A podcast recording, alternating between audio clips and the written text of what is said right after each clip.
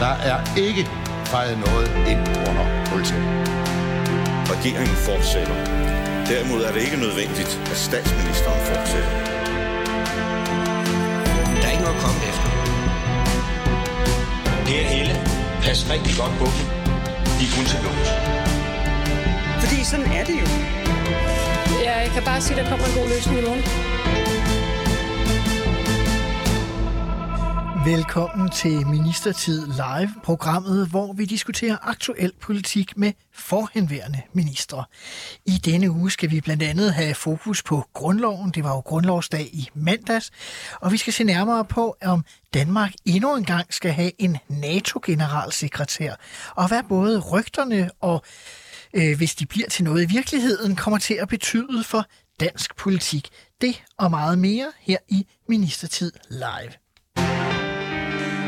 Til at diskutere disse emner øh, har jeg to gæster i dag. Den ene er forhenværende konservativ energi- og industriminister Anne Birgitte Lundholm. Velkommen til dig. Og den anden er forhenværende radikal klima- og udviklingsminister Rasmus Helve Petersen. Velkommen til dig. Tak skal du have. Så i virkeligheden to forhenværende energiministre. Sige. det kunne være, at vi skulle have taget noget mere om det, om det grønne så. Men vi starter, Det er aldrig for sent. vi starter alligevel lidt med det grønne, fordi i mandags var det jo grundlovsdag, og det brugte dit parti, øh, Rasmus Helve, til at kan man sige, relancere øh, forslaget om en grøn grundlov. Jeg tror alligevel, der er en del mennesker, der tænker, hvad er en grøn grundlov hmm. i grunden? Ja, det er jo et godt spørgsmål. Men altså, grundloven er jo et fundament under vores demokrati, som vi ikke rigtig bare kan pille på i det daglige arbejde. Og hvis man lægger nogle beskyttelser ind af både klima og natur i grundloven, jamen så vil det være umuligt for et tilfældigt flertal pludselig at gøre noget, som måske skader enten vores havmiljø eller vores klima. Så på den måde kunne det være en slags sikkerhed mod, at vi kommer til at lave fejl i Folketinget. Og hvad hvis der er, kan man sige, øh, diskrepans imellem, hvad der er menneskets øh, kortvarige interesse og naturens? Det er der jo tit. Og det er jo sådan set det, der er pointen her. At på den lange bane, der er vi nødt til at spille inden for de kridtstreger, naturen tegner op. Fordi hvis ikke vi gør det, jamen, så kommer vi til at betale en forfærdelig pris. Og vi kan se det allerede nu med skovbranden, der lægger New York i tåger, fordi øh, klimaforandringerne udtørrer de kanadiske skove, og vi selv er midt i en tørke, som er på kanten af at være noget menneskeskabt her i Danmark. Så det vil sige, hvis man har en kortsigtet interesse i at gøre ingenting, så bør der være en grundlov, der forhindrer en i det. Er du enig i det, Anne Birgitte? Ej, jeg, altså, jeg, jeg er jo ikke uenig i formålet, men i metoden. Fordi øh, grundloven, mener jeg, er for farlig at putte øh, dagsaktuelle eller ting, der kan tolkes øh, politisk og putte det ind i en grundlov. Altså, vi har en grundlov, og, og måske øh, skal der også på et tidspunkt være en revidering. Vi har jo talt om det. Jeg husker, at min meddebattørs far, han også foreslog det i den tid, vi sad i regering sammen for mange år siden. Niels Helve Petersen? Øh, ja, ja, præcis. Men under alle omstændigheder mener jeg, at det er farligt at putte aktuelle selvom det ikke kun er aktuelle, men aktuelle dagsordner ind i en grundlov. Grundloven skal skabe nogle rammer, men den skal jo ikke skabe en politisk virkelighed. Du skal have mulighed for også at have nogle synspunkter omkring de dagsaktuelle emner. Så lige præcis at putte det ind, så er jeg bange for, at der kommer mindst 10 andre ting, der skal puttes ind. Vi har jo set adskillige forslag undervejs her de seneste år, og det er nok øh, min største frugt, der er nok, at øh, hvis man begynder med det formål, at, øh, at så får det ingen ende, og så udvander det en grundlov, som er mere generel. Skal man ikke være påpasselig, Rasmus Helve, i forhold til at putte for meget ind i grundloven? Altså det her med, at det er måske nogle partier, der mere vil have en grøn grundlov end andre, men der er nogen, der så vil have en socialpolitisk stærkere grundlov. Nogle vil måske have en udlændingepolitisk strammere grundlov, eller hvad ved jeg. Mm. Ser du ikke en fare for, at alle partier kan komme med deres egne hassander, og til sidst så får vi enten aldrig en ny grundlov, eller også får vi en meget omfangsrig? Jo, men grundloven skal jo være et produkt af en meget seriøs diskussion, hvor alle er ombord i det, og man skal ikke sådan lemfældigt foreslå ting i grundloven, fordi det skal være noget, der har meget bred opbakning. Det vil jeg nu mene, at vores naturgrundlag og klimaet burde have. Men i forvejen har vi jo en grundlov, der er aldeles næsten latterligt for snæver, som ikke nævner for eksempel EU med et eneste ord. Øh, så altså, det vi har i dag er en grundlov, der er helt utilstrækkelig og slet ikke tager højde for den virkelighed, vi er i. Og jeg synes, en af de ting, man kunne tage med ind ud over EU og de europæiske menneskerettigheder, det vil også være vores klima. Så du lægger dig i virkeligheden meget godt i din øh, fars fodspor som en grundlovsforandrer, altså ønske om det. Det er long overdue. Vi burde have nedsat en grundlovskommission for længst. Den grundlov, vi har i dag, og det bliver jeg altid mindet om på grundlovsdag, synes jeg som sagt er utilstrækkeligt. Ja, vi burde gøre det nu, for det kommer til at tage 10 eller 15 år for den ændret. Lad os få den her meget øh, vigtige, grundlæggende, seriøse diskussion sat i gang. Anne-Begitte Lundholdt, er der ingen pointe i det? Altså, den grundlov, vi har nu, er fra 1953. Der er jo nærmest ikke et levende menneske tilbage. Der er meget få levende mennesker tilbage, øh, som øh, har været med til at stemme øh, om den her grundlov. Jo, selvfølgelig er der det, og på et eller andet tidspunkt, så er der da nogle ting. Nu øh, ved jeg, at øh, et indlæg, som Per Stig Møller havde her forleden dag, jo netop sagde, at, at der kunne komme noget i forbindelse med øh, Grønland og Færøerne, hvor der kunne være et behov for at lave en revision, og så er det klart, at så skal man ind og kigge på det. Men jeg mener stadigvæk, at grundloven tager jo højde for, at vi kan være medlem af NATO, at vi kan være medlem af EU, og, øh, og putte noget ind i grundloven, som er politisk skabt, og som vi jo ikke kan garantere for, ikke på et tidspunkt skal laves om, så skal vi jo til at, at lave vores grundlov om, hvis der sker noget med de institutioner. Så jeg synes egentlig, at det er flot, at man allerede dengang i 53 og faktisk tidligere har kunne øh, tage højde for, at vi kan afgive suverænitet og være med i internationale samarbejder, som for eksempel EU og NATO osv. Så, videre. så, så det er lige præcis det, der er min anke mod det. Det er at putte noget ind, der er aktuelt i dag, men som jo ikke nødvendigvis er det om 25 år. Men er der nogle ting, som du ser som øh, relevante at få ændret på, på grundloven? Altså, der er nogen, hvis man skulle gøre det. Jeg, jeg mener ikke, det haster, men altså, så er det vel for en led i dag, hvis der skulle gøres noget på rigsfællesskabet. Men øh, derudover, så kunne der godt være, altså, der nævnes lidt øh, på kongedømmet, hvor vi ikke skal helt over i den svenske øh, stol der og, og skrive dem helt ud, men øh, man kunne jo godt sprogligt lave noget, sådan, så det ikke kunne misforstås. Men det er jo ikke noget, jeg mener haster, fordi vi ved jo alle sammen, hvordan det skal tolkes. Du markerer, som siger. Ja, altså på et tidspunkt var der nogen, der fik den idé at sende grundloven ud til alle, der fylder 18, så de kan se, hvad der egentlig står i den. Prøv, den er ulæselig. Og folk, der ikke har andre forudsætninger end grundloven og får den i hånden, kan jo ikke forstå, hvad det er for noget. Der står blandt andet, at vores styreform er indskrænket monarkisk, i stedet for, at vi har et demokrati. Og der står som sagt, når man læser grundloven, ikke et ord om hverken EU eller NATO. Det er simpelthen bedaget. Tiden er løbet fra den, og jeg synes ikke, det er rimeligt at gå og blive unge mennesker ind, at det er sådan, vi regerer landet, for man kan jo ikke læse den uden en læsevejledning. Nu, det, hen... det mener jeg nu, man burde kunne. du har stor tillid til 18-årige, det er godt. Ja, det har jeg, fordi jeg har også, jeg har også nogen omkring mig, og godt kan diskutere det med dem, ja. Men altså, nu nævnte du, Anne Birgitte Lundholdt, jo øh, Per Stig Møller, tidligere udenrigs, konservativ udenrigsminister med mere, øh, indlæg i Berlingske Tidene. Altså, han øh, skriver omkring det her med, at de ting, der sker i forhold til, til Grønland og Færøerne, altså de nordatlantiske dele af riget, de kan jo godt inden for en årrække medføre, at man alligevel skal se på det her. Hvis, øh, der ligger vel i det, at de skal have en større eller egentlig selvstændighed. Altså, og det er, lige, det er faktisk lige præcis der, jeg også mener, at det vil være halsløs gerning at begynde at sætte det i gang nu, fordi øh, det er klart, at de har jo, både Grønland og Færøerne, har jo også en en bestemmelse på, at det er jo sådan set dem selv, der kan afgøre, øh, hvor længe de vil være med, og hvor længe de ikke vil være med. Det skal man jo ikke tage fejl af. Og det er klart, at skal der laves noget der, jeg tror ikke, det står lige for. Og det gør det jo heller ikke. Altså de, øh, de øh, forhandlinger, der er foregået, hvor Grønland har lavet sådan et udkast til en selvstændighedslov, er jo ikke noget, man kan gennemføre på kort sigt overhovedet. Så jeg mener, at, det, at skal der være en trigger i at få taget fat i vores grundlov, så mener jeg, at man skal afvente og se, øh, hvad det er, der eventuelt skal ændres på det punkt. Og så er det klart, at andet skal sættes ind. Og så håber jeg da også, at man til den tid også vil sikre sig, at der ikke sidder nogen med i sådan en kommission, som har nogle politiske handsager, de lige skal have puttet ind i grundloven. Det vil jeg føle var virkelig, virkelig problematisk. Altså, apropos Grønland og Færøerne, så sent som efter det seneste folketingsvalg i december, blev det jo også øh, diskuteret, øh, om det var rimeligt, at øh, mandaterne fra de nordatlantiske kunne være afgørende for øh, den regering, øh, vi har øh, i Danmark. Ja, det synes jeg er helt rimeligt. Det er medlemmer af Folketinget, der er valgt til at være medlemmer af Folketinget for rigsfællesskabet.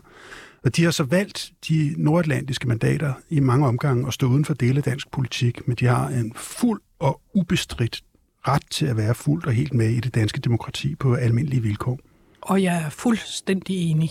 Så den debat behøver vi ikke. Og, og, og, og, og, medmindre jeg skal påtage mig synspunktet om, at øh, de bare skal hives i Nordlanden. Ej, de og, det vil, og det vil jeg undlade øh, at Nej, gøre. jeg synes faktisk, at standpunktet er meget problematisk at sige, at de ikke er fulde medlemmer af Folketinget. Hvad er det for noget forbandet sludder? Men det er jo faktisk noget, man diskuterer på Færøerne. Mm. Er, om det faktisk er problematisk, at de er med til at vælge en dansk regering. Det er jo ikke bare en, en syddansk øh, diskussion. Nej, men det er ikke for en syddansk øh, ret at sige, at de på en eller anden måde er andenrangs medlemmer af Folketinget. De er fuldgyldige medlemmer af Folketinget. At de selv har en diskussion om, hvordan de vil bruge den ret, det må jeg også respektere. Det har de lov at diskutere selvfølgelig. Det har danske politikere jo også. Der kan jo også være medlemmer valgt her i, i Syddanmark, som øh, faktisk har en indstilling til, at de ikke vil blande sig i regeringsdannelser, og det har de jo lige så vel øh, ret til. Ja.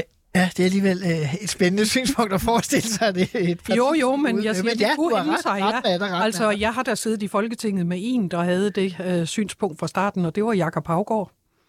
Men han kommer også i beknep øh, senere. Ikke? Han, kom, øh, han fandt ud af, at man sådan set var nødt til at tage stilling, og det er jo det, der sker for alle, der kommer i Folketinget. Ja.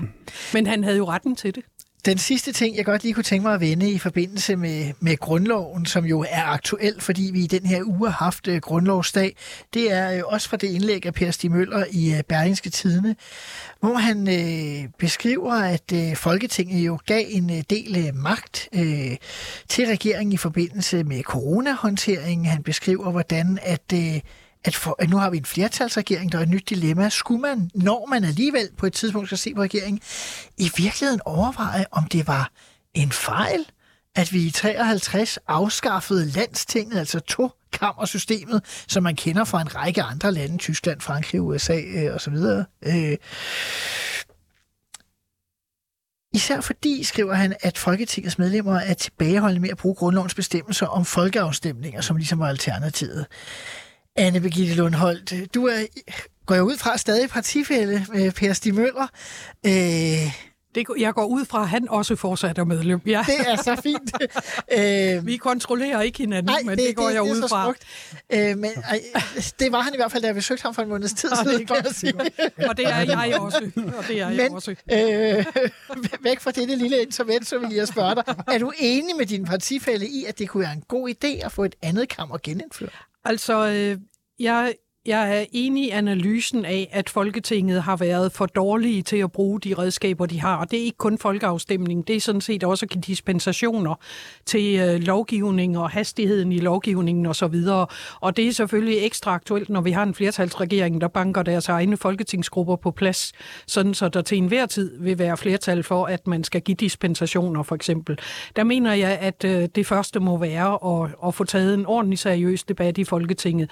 Er nok lidt mere øh, betænkelig ved et andet kammer, fordi øh, en ting er, at man får en eftertanke, det kan jeg godt se det positive i, men øh, kan det ikke også en gang imellem faktisk forhindre, at man kan øh, gennemføre noget, der skal gennemføres med en vist hast.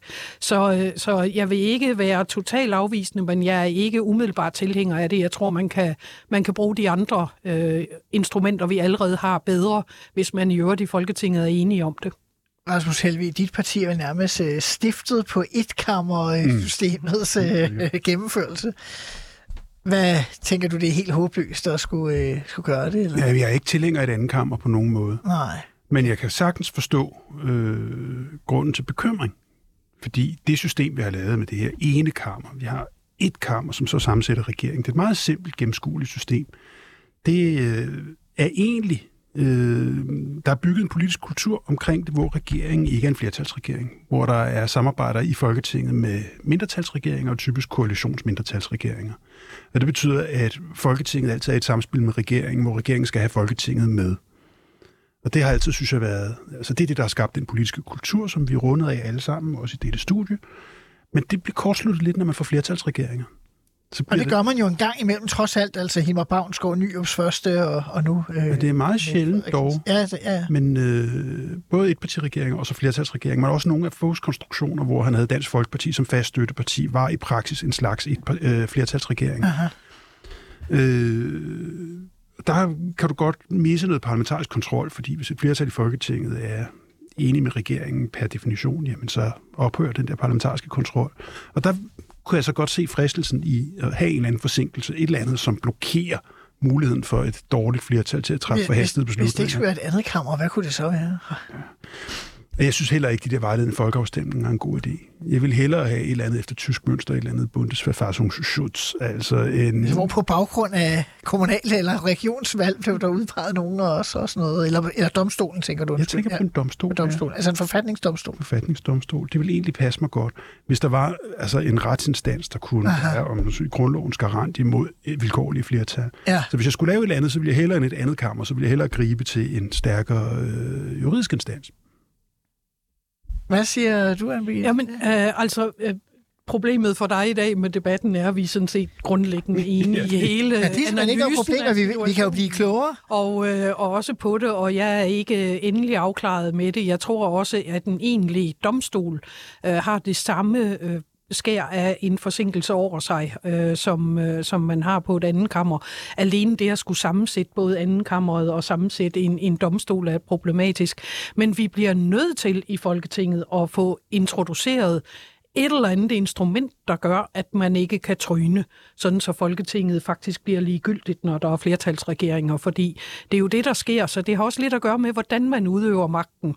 Og øh, ja, nu er jeg da så gammel, så jeg godt kan huske Hilmar Bavnsgaards regering, men jeg var, jeg var ikke så tæt på, så jeg ved, hvilke problemer det var. Men jeg synes faktisk ikke, på trods af, at jeg stod udenfor, øh, jeg synes faktisk, at man i øh, Nyårs tid faktisk kørte en, en fin samtale, også med partierne udenfor, så du følte ikke det der pres til, at, øh, at det var dem alene hvide.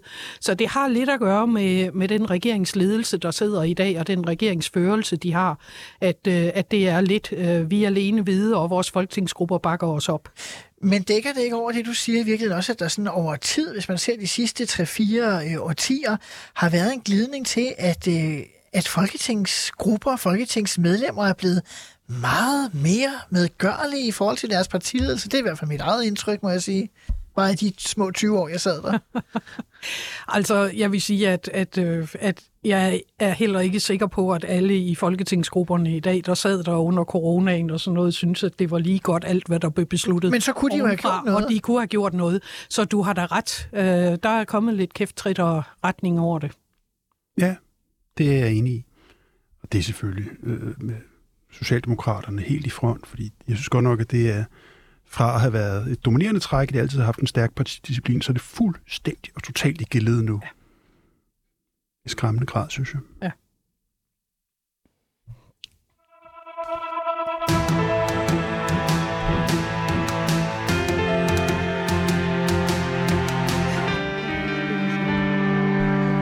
Og vi øh, skal, jeg kan se, at øh, mundheden i studiet breder sig, og det er vel ikke det værste. Øh, det er jo fredag, og øh, vi skal jo videre, apropos Socialdemokrater, til at øh, der begynder jo, der har været mange historier om, at øh, vores statsminister, Socialdemokratiets formand Mette Frederiksen, kunne blive en ny NATO-generalsekretær. Og øh, først og fremmest, vil det være godt for, for Danmark egentlig, Rasmus øh, Helve, at få en dansk generalsekretær, eller er det ligegyldigt? Jeg kan ikke se, hvorfor det er nogen særlig fordel for Danmark. Jeg kan ikke se, hvad fordel Danmark havde ud af få han var NATO-generalsekretær. Jeg kan ikke se, hvad det er for et politisk program i NATO, Mette Frederiksen i givet fald vil gå ind og fremme. Det virker ikke som om, at hun har en politik, som er vigtig for hende, som er særligt dansk, der nu skal være NATO's varemærke. Jeg har ikke hørt et eneste politisk argument for, hvorfor det var bedre at få Mette Frederiksen end en hollænder, der ellers står for tur, eller en tysker. Det, vil det sige, det, det synes jeg egentlig er meget øh, fint, ikke? Altså, fordi alle siger, sådan, de vil blive stolte af at få hende og sådan noget. Det er sådan det generelle synspunkt. Men Øh, hvorfor? Hvad er det, som er særligt dansk, vi skal opnå i NATO? Det kræver så en diskussion af, hvad for en politik NATO fører. Aha. Det vil jeg gerne. Og så vil jeg også gerne høre, hvor Mette Frederiksen placerer sig i det, og om det er en særlig dansk holdning, eller om det i virkeligheden er en konsensusværdi. Fordi ellers så giver det jo ingen altså, giver det jo ingen særlig mening, at vi skulle bruge dansk politisk kapital på at få en dansker ind, for at lave det, som alle andre vil gøre samme sted som i virkeligheden mener du, at den eneste, der får ud af det, det er Mette Frederiksen i forhold til hendes personlige ambitioner, eller, eller noget i den stil? Ja, altså, især fordi jeg ikke har set den politiske diskussion, som det skulle være relevant for. Du markerer en Birgitte. Ej, nu fik vi da heldigvis lidt uenighed. ikke, i, øh, ikke i, at hun rent faktisk er kandidat til posten, for det tror jeg bestemt, hun er. Ellers havde hun jo kunne lukke den debat for længe siden. Mm. Men øh, ja, jeg ville være, altså uagt, uanset om det er Mette Frederiksen eller en anden, så synes jeg faktisk, at, øh, at jeg som dansker er stolt over, at vi kan levere nogen også til de store internationale poster. Og så vil jeg sige, at man skal jo netop ikke være repræsentant for Danmark, når man bliver sat i spidsen for en stor international organisation. Så øh, når man skal være i spidsen for NATO, så er det NATO's overordnede øh, politik, man skal stå på mål for. Det men har det... hun så heller ikke sagt meget om. Det kan vi så være enige om. men, ikke øh, men ikke, men der, det har, vi har jo ikke øh, nogen grund til at skulle diskutere danske politiske holdninger. Men det du i virkeligheden jo også så siger, det er, at det er den nationale stolthed. Det er ikke noget med, om det er politisk en gevinst. Nej, vi er helt enige i det. er national stolthed, og det er, at, øh, at vi, vi trods alt fostrer nogle folk, som også internationalt bliver anerkendt. Det drejer sig om Margrethe Vestager, og, det, og hvis det her sker, og også for mit vedkommende Anders Fogh. Jeg synes, det er, jeg synes, det er et godt tegn, at vi fostrer nogle kvaliteter, som også bliver anerkendt uden for landets grænser grænser. Kan det ikke gøre også, at man lægger mere mærke til danske toppolitikere rundt omkring, hvis de er potentielle kandidater og sådan, giver Danmark et eller andet, Rasmus Elve, eller tror du, det er rent på stolthed og personlige ambitioner? Jamen, altså, du kunne sagtens have en situation, hvor det ville gøre en forskel at få en dansker ind, fordi han så eller hun repræsenterer en eller anden politikpakke, man så kan kæmpe for. Oh. Det synes jeg ikke har været tilfældet her med den her diskussion om NATO-posten. Men så lad os prøve at... Det er også svært i NATO, ikke? Altså, det, er... det er nemmere, hvis det var en EU-kommissær på et bestemt område, hvor man kommer som en national. Der bliver man jo sat ind med national baggrund. Øh, NATO, der bliver man jo sat i toppen for et fælles projekt. Ja. Men stadigvæk er sådan formelt i EU, er man jo stadigvæk kommissionens medlem, og ikke Danmarks medlem. Jo, jo, men inden man træder ind. Det er klart. Ja. Men lad os lige prøve så at sige, okay, hvis vi ser på, hvis det nu sker. Mm. Man kan ja. jo se, at diskussionen om det er jo allerede øh, langt henne. Øh, regeringens to øh, koalitions, øh, andre to koalitionspartnere, øh, Moderaterne og Venstre, de udtaler sig endda højlydt til pressen. Det er jo sådan ja, det, lidt af en domlig situation. Mm. Øh, der skal genbekræftes, øh, var øh, Lars Løkke, øh, formand for Moderaterne udenrigsminister, ude at sige, mens Venstres vikarierende leder, øh, Troels Lund Poulsen, han øh, lige satte trumf for at sige, at det skal både genbekræftes, og vi skal simpelthen også have nogle flere skattelettelser. Mm. Øh, er det ikke en lidt absurd situation at efterlade en øh, regering i igennem øh, længere tid, at... Øh, nu diskuterer vi overhovedet, om den regering kan fortsætte, og hvad for en politik den skal have, og imens så aner vi ikke, om statsministeren er kandidater, om det bliver afgjort i denne næste eller næste måned igen.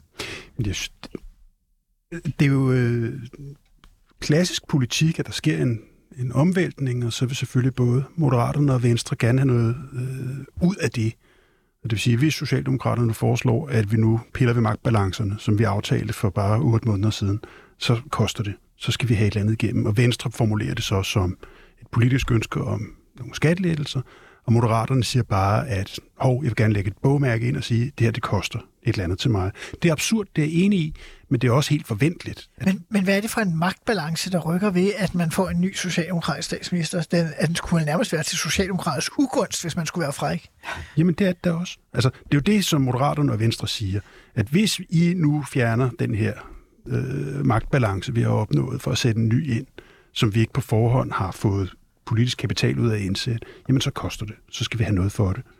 Og det synes jeg er, det, det er egentlig inden for det politiske øh, spils rammer. Men det er selvfølgelig en absurd situation.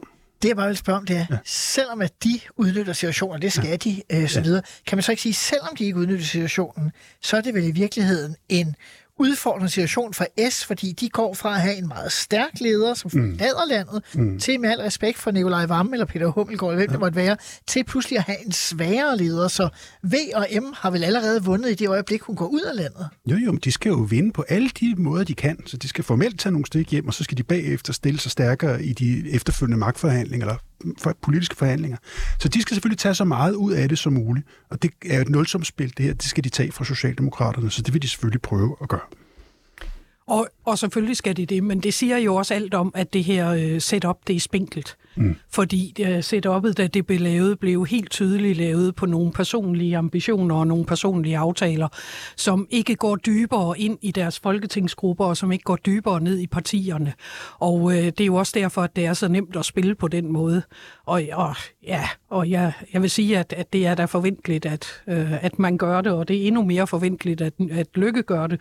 Fordi øh, hvad vi han ikke gør af den art, så øh, hmm. øh, det viser jo bare, at det er et spinkelt øh, regeringssamarbejde, og derfor er det da nødvendigt at bekræfte, for det er jo ikke, det er jo ikke tre partier, der har samordnet deres programmer, det er tre personer, der har samordnet deres ambitioner. Og så ved at tilføje, at i modsætning til tidligere regeringer, så virker det som om, at Mette Frederiksens regering og regeringsstil er meget altså, centreret om hende. Det er et, et, et stærkere hierarki, hvor hun har større kontrol med sine ministre og med Socialdemokraterne, end jeg synes, man tidligere har set i andre øh, regeringer. Øh, så det er ekstra dramatisk, hvis hun bliver pillet ud af den her magtbalance. Der er virkelig mange ting, der så derefter skal justeres. Men hvis vi nu lige tager øh, de to andre regeringspartier mm. først, øh, altså Moderaterne, eller Lykkes parti, kan man godt øh, tillade sig for at kalde det, øh, hele deres projekt har jo været for den her midterregering. Der er jo ikke noget flertal med Moderaterne til højre. Så altså, hvad har han overhovedet af muligheder, hvis ikke regeringen fortsætter? Ja, det er et godt spørgsmål. Det er jo hans raison d'être. Det er det, han vil, og det er der, han har sin magtposition. Og hvis ikke regeringen fortsætter, jamen så ryger alt det jo. Men det ved de jo også i S, tænkte jeg bare. Det tror jeg bestemt ikke, de er blinde for.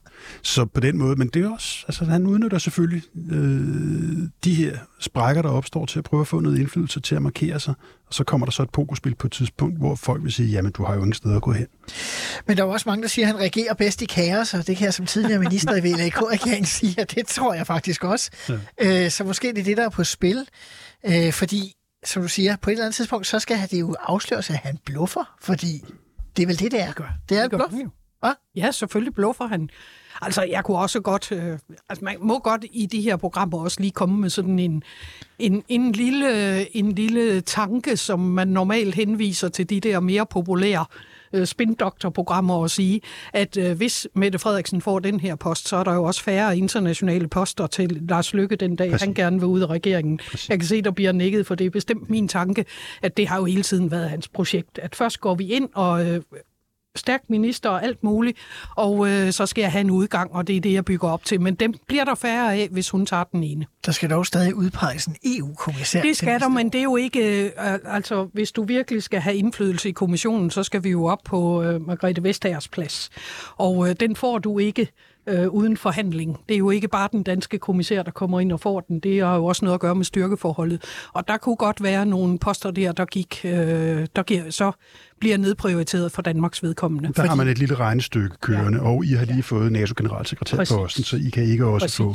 Så i virkeligheden... Hvor er jeg glad for, at du også er enig der. men, men i virkeligheden er det jo så omvendt, ikke, Rasmus? Altså, du startede med at sige, at der ikke var nogen særlige politiske kapital eller gevinst øh, for Danmark ved at blive NATO-generalsekretær. Mm. Måske er der ligefrem noget at tabe, fordi man så ikke har nær så meget at gå efter i EU eller andre steder, altså, fordi betaler i man har fået, ikke? Du betaler i forhold til det der store regnestykke. Ja med, hvor man lige holder øje med, hvem der har hvor mange på. Så du får noget, hvor man ikke får politisk indflydelse for at betale med noget, hvor man har politisk. Ah, den vil jeg godt protestere over. Du har politisk indflydelse som NATO-generalsekretær. Du har bare ikke national politisk indflydelse, og det er forskellen set fra mit synspunkt. Men det er vel også det, som vi som land på lidt længere sigt øh, har mest interesse i, eller hvad? Nej, det mener jeg faktisk ikke. Jeg mener faktisk, at vi har en stor interesse i at være ledere steder, hvor vores Altså ikke, at vi har danske synspunkter, men vores måde at takle sagerne på også kan være en, øh, en kvalitet, vi lægger ind i posterne. Hvad så med øh, det tredje regering, fordi jeg skulle lige sige det mindste, men det er det jo ikke, øh, Venstre, øh, men som alligevel virker lidt som juniorpartner mellem, øh, mellem Mette og, og Lars Lykke, der ligesom er, er i front. Øh, de har vel lidt samme situation som Moderaterne, har de ikke, eller hvad? Altså har de noget at, at spille med i sådan en situation i virkeligheden? Altså det er jo klogt at spille noget politik ind og sige, at vi vil have følgende for Klart, og medvirke til. med den store bunende kasse og så videre. Ja, ja, så det synes jeg, der var, var meget klogt. Men de har da selvfølgelig utrolig meget at tabe og har jo satset hele butikken på den her regeringsdeltagelse. Øh, Så for dem er det da en voldsomt svær situation, hvordan de skal håndtere den her situation. Og endda står de uden deres sædvanlige leder og skal gøre det i i deres eget magtvakuum. Ah. Jeg synes ikke, den er let at spille for Venstre, den her.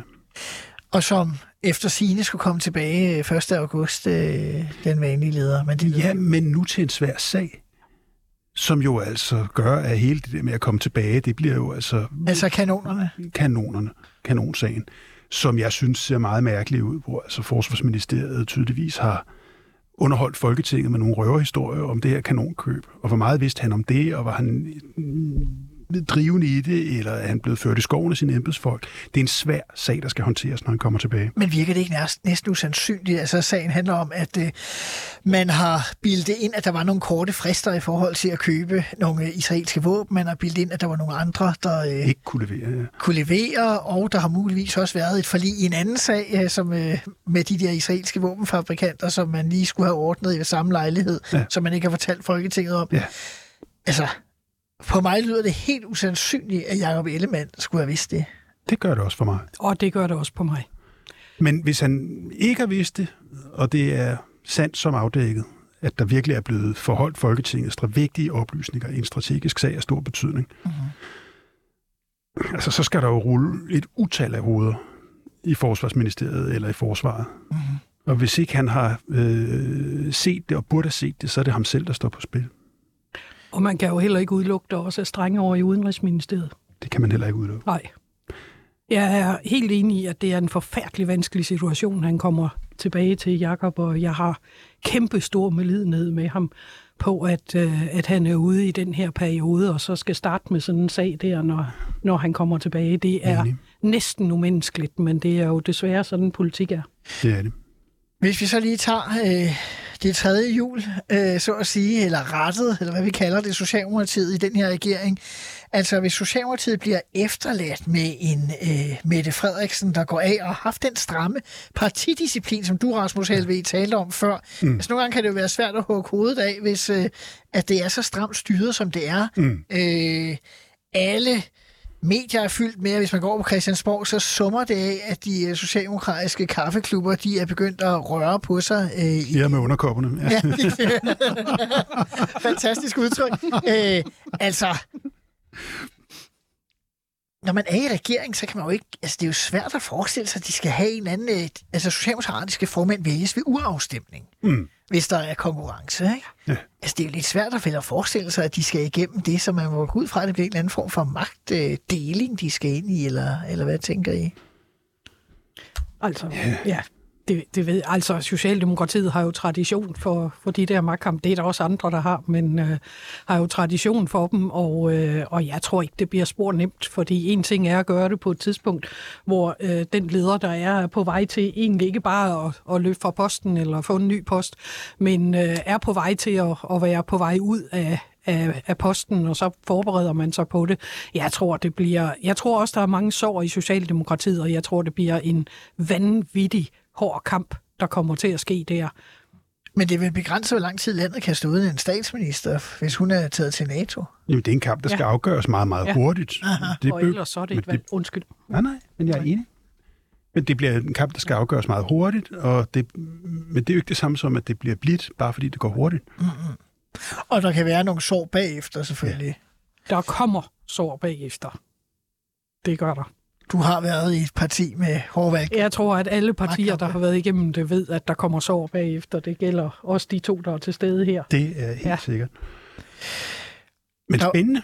Der er jo også partier, der er ude at sige, at hvis Mette Frederiksen hun skal til NATO, så skal vi have folketingsvalg. Mm. Giver det mening? Men så hvis regeringen ikke kan fastholde sit flertal, og der kommer et flertal imod, så skal vi. Så skal den i hvert fald gå af. Så kan man jo tage en dronningerunde, hvis det skal skal være.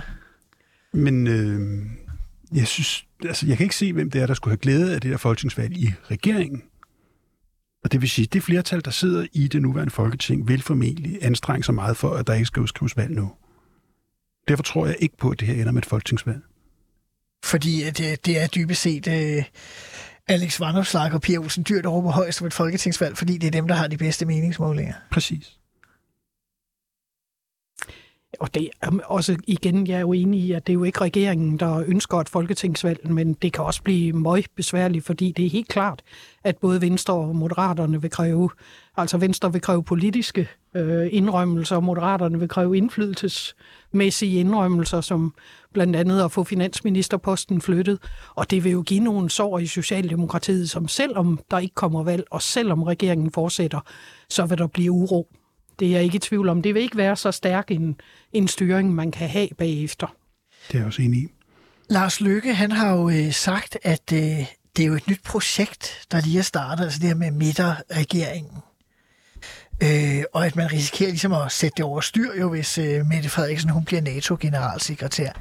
Er det i virkeligheden uansvarligt af Mette Frederiksen at springe af posten, når man nu er gået sammen om at forandre dansk politik øh, til, at den skal reageres fra midten, som du vel om nogen er gået til valg på, Rasmus Helve? Ja, altså det, det er jo ikke imod reglerne, og det må hun jo gøre, hvis hun ved det. Ja, jeg synes selvfølgelig i forhold til, hvis man mener det er alvorligt med et samarbejde hen over midten, og det er en flertalsregering baseret over midten, så er det da uansvarligt, ja. Du sidder og ryster på hovedet. Ja, men, nej, men det er uansvarligt, at, øh, at hun tager imod, øh, hvis hun gør det. Og, ja, ja, altså, hvis hun får den tilbudt, sådan vil jeg sige det, fordi... Det ved vi jo hun, slet ikke noget om. Det hele er jo spekulativt. Altså, hvis hun sige, får den tilbudt, så tager hun imod den. Og, mm. øh, og øh, der vil jeg sige, uansvarligt, nej, øh, det er det ikke. Jeg vil nærmere sige, at, at det er jo bare et bevis på, at det projekt er for skrøbeligt. Tja.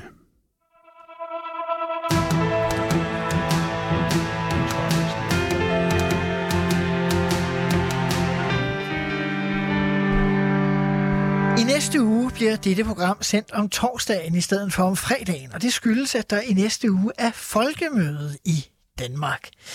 I den forbindelse har der jo været snak om, at en kan man sige, tidligere partiformand, i hvert fald for et parti, der er stillet op, Rasmus Paludan, han ikke længere kan øh, få øh, politibeskyttelse, i hvert fald ikke til at tage derover. Øh, der har været øh, meget diskussion af, om øh, har han i virkeligheden fået for meget øh, beskyttelse til sine provokation, øh, provokerende demonstrationer osv.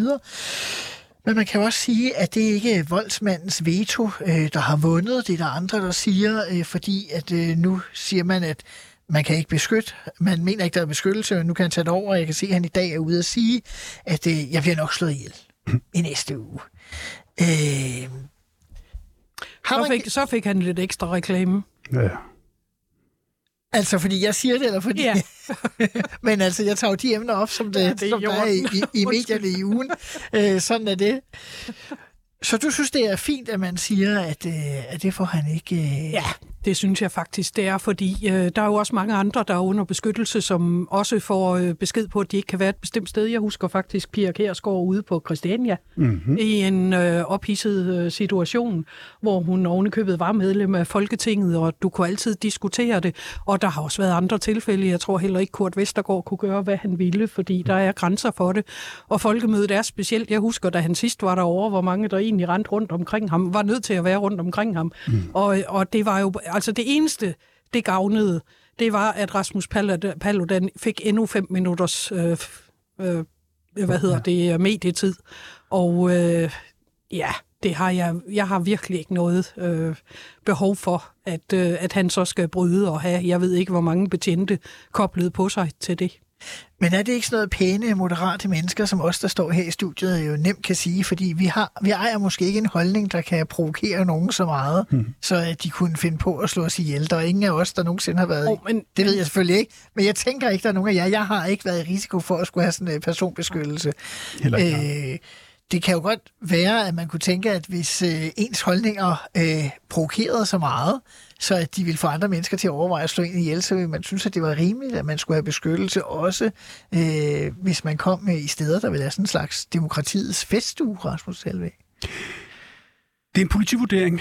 Det er ikke en politisk vurdering, om han skal have beskyttelse eller ej. Og de står med ansvaret hos politiet, også for sikkerheden på folkemødet, som er en stor og kompleks situation, som de gerne vil prøve at gøre ordentligt til sikkerhed for de mange, og hvor man fastholder en tradition, hvor der kan være en fri omgang mellem borgere og politikere og borgerne imellem, på så lavt et sikkerhedsniveau som muligt.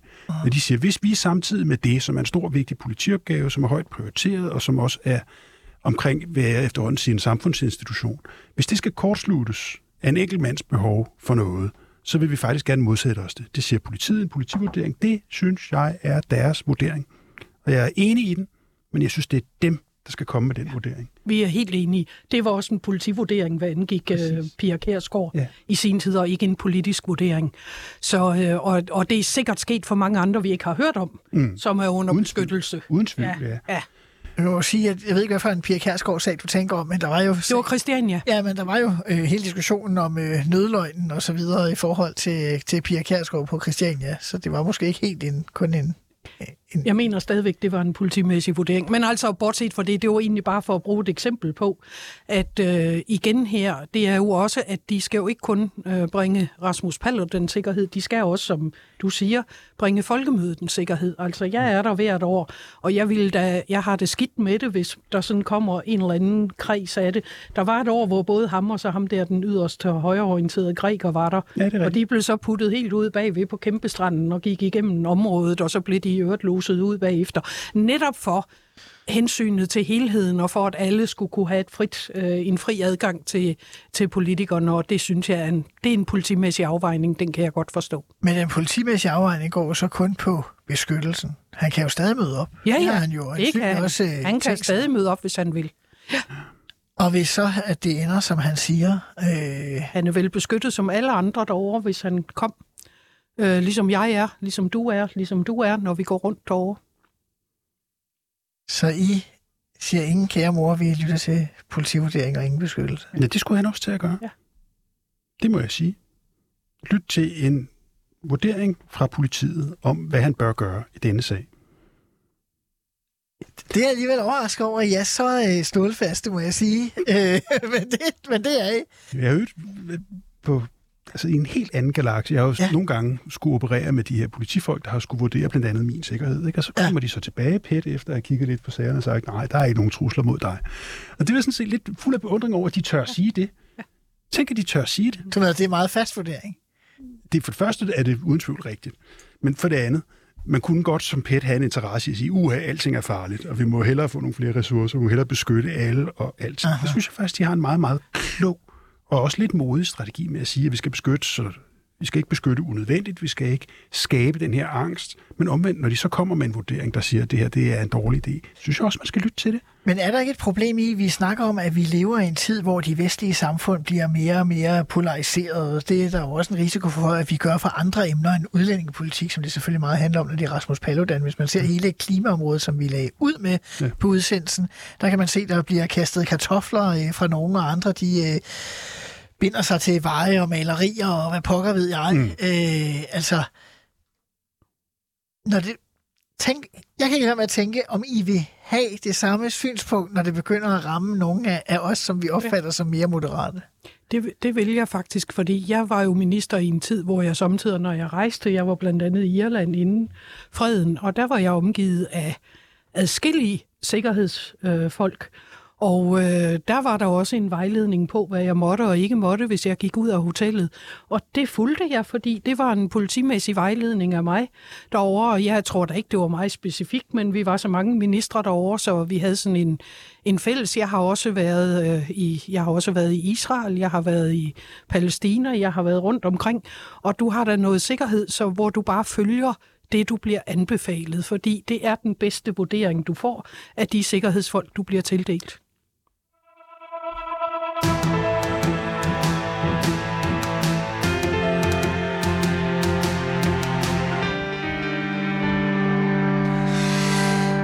Vi har nu haft den første, om ikke hele, men så halve sæson med den nye SVM-regering.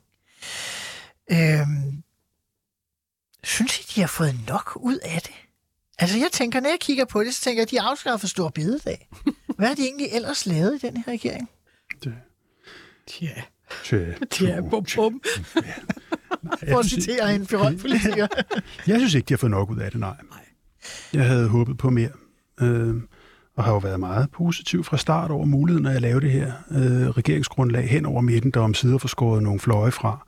Og så har jeg holdt øje med, hvordan de kan agere, om de kan skabe en ny politisk virkelighed, der afspejler, at fløjene ikke har indflydelse længere. Aha. Det synes jeg ikke, de har.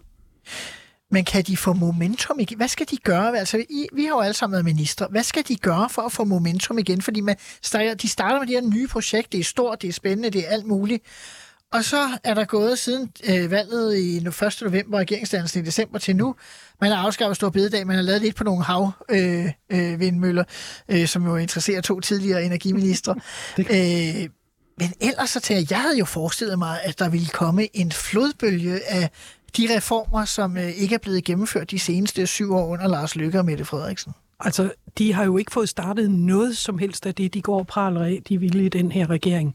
Og det er jo det, der er problemet. Altså, så kommer du med den der store bededag. Hvis nu de havde lagt et reformforslag frem, der drejede sig om arbejdskraft, tilførsel til arbejdsmarkedet, og det så var en del af det, og gik ind i en forhandling med de partier, netop ikke yderfløjene, men med de partier, der normalt er øh, regeringsduelige og gerne vil med, så havde det jo været en helt anden sag, så havde du haft en respekt for det, ikke det der. Altså det virkede på mig som om, at der lige skulle være sådan et, et buzzword der, da de præsenterede det hele, og så glemte de sammenhængen.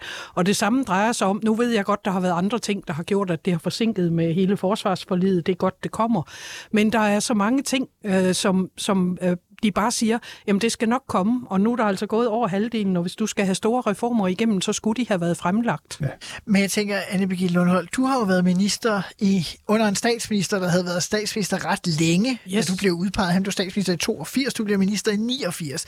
Rasmus Helvig, du har også været minister jo under uh, Torning, også i, i slutningen af regeringen, da SF har, har forladt den osv. Altså, jeg har været i regering med en regering, der om nogen var samspilsramt.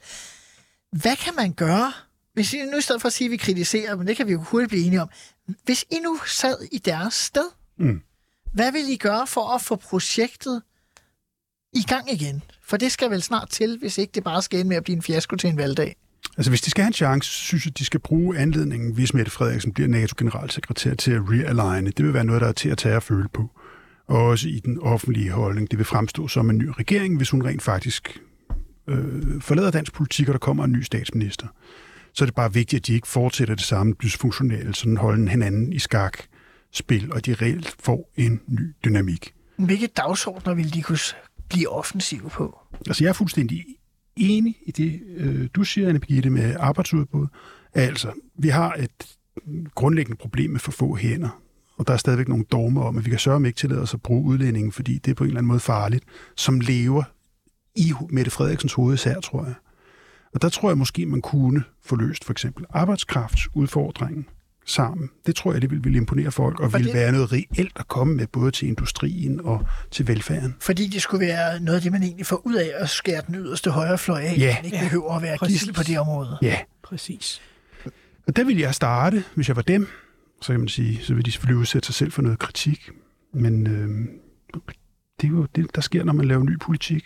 Så vil jeg så også accelerere netop alle de her reformer, de i forvejen har talt om, at de gerne vil have ind. Øh, og jeg vil selvfølgelig også. Men det er jo nu, fordi det er så politisk vigtigt for mig. Sætte turbo på den grønne omstilling. Jeg forstår ikke, at de har været så længe om det, og at de har været så defensive på det. Ja, det er egentlig ikke... Også det... der er jeg enig. Ja. Men hvad kunne de gøre konkret på den grønne omstilling, hvis vi skulle forestille os, at, de, at vi satte turbo på det? Altså, der er jo en øm tog hos Venstre i forhold til landbruget, som kommer til at stå for nogle af de CO2-reduktioner, der skal til. Og der er man nødt til at kigge dem i øjnene og sige, prøv at vi bliver nødt til at gøre det her. Så kan man diskutere, om det kan kompenseres på forskellige vis, men der skal handles og, og på mange af de andre også. Og du kan jo også mærke, at de er gået i stå på de der reformer, fordi når du for eksempel diskuterer Stor Bededag, så hørte jeg en sige, jamen I siger jo bare nej, når I sætter sig ind til bordet, og så ved jeg, nu må jeg godt bruge Pape, at han så siger, jamen prøv at komme her, nu har vi altså en diskussion om fem forskellige tilbagetrækningsordninger, mm. og skulle vi ikke se på dem i stedet for, og så få et bedre arbejdsudbud der. Og så siger de, det ved I godt, det er socialdemokratisk hjerteblod, så det vil vi ikke. Uh-huh. Og så går du jo i stå, hvis du som regering gerne vil række ud hvis du ikke engang vil, vil tage andres forslag med ind til bordet, men mener, at du er fuldstændig imod alle reformer, mm. hvis ikke du går ind og nikker til det, regeringen møjsommeligt er blevet enige om og ikke tør rokke sig 5 cm fra. Og jeg tror, det er der, det er mest dysfunktionelt. Det ja. er, at, øh, at, at det er ligesom, du kan ikke rokke dig fra det, de har siddet og skrevet på papir. Og så er det jo meget, meget svært at brede det ud til at få et bredere flertal med ind, der rent faktisk kan løse nogle problemer. Grønne omstilling, jeg er enig, og det arbejdsudbud, SU-reform, alle de ting der øh, skal jo op. Og nu haster det, fordi så lang tid er der ikke tilbage i den valgperiode. Ah, man kan sige, at den er dog ikke engang et, et år henne, men man skal selvfølgelig sætte noget i gang. Men man kan sige, der er jo også den der parallel til, at på et tidspunkt, så under man ikke hinanden måske så meget, Præcis. som man øh, gjorde ja. i begyndelsen. Og det er jo den energi, der på en eller anden, øh, en eller anden måde skal pushes ind igen. Jamen, jeg kan...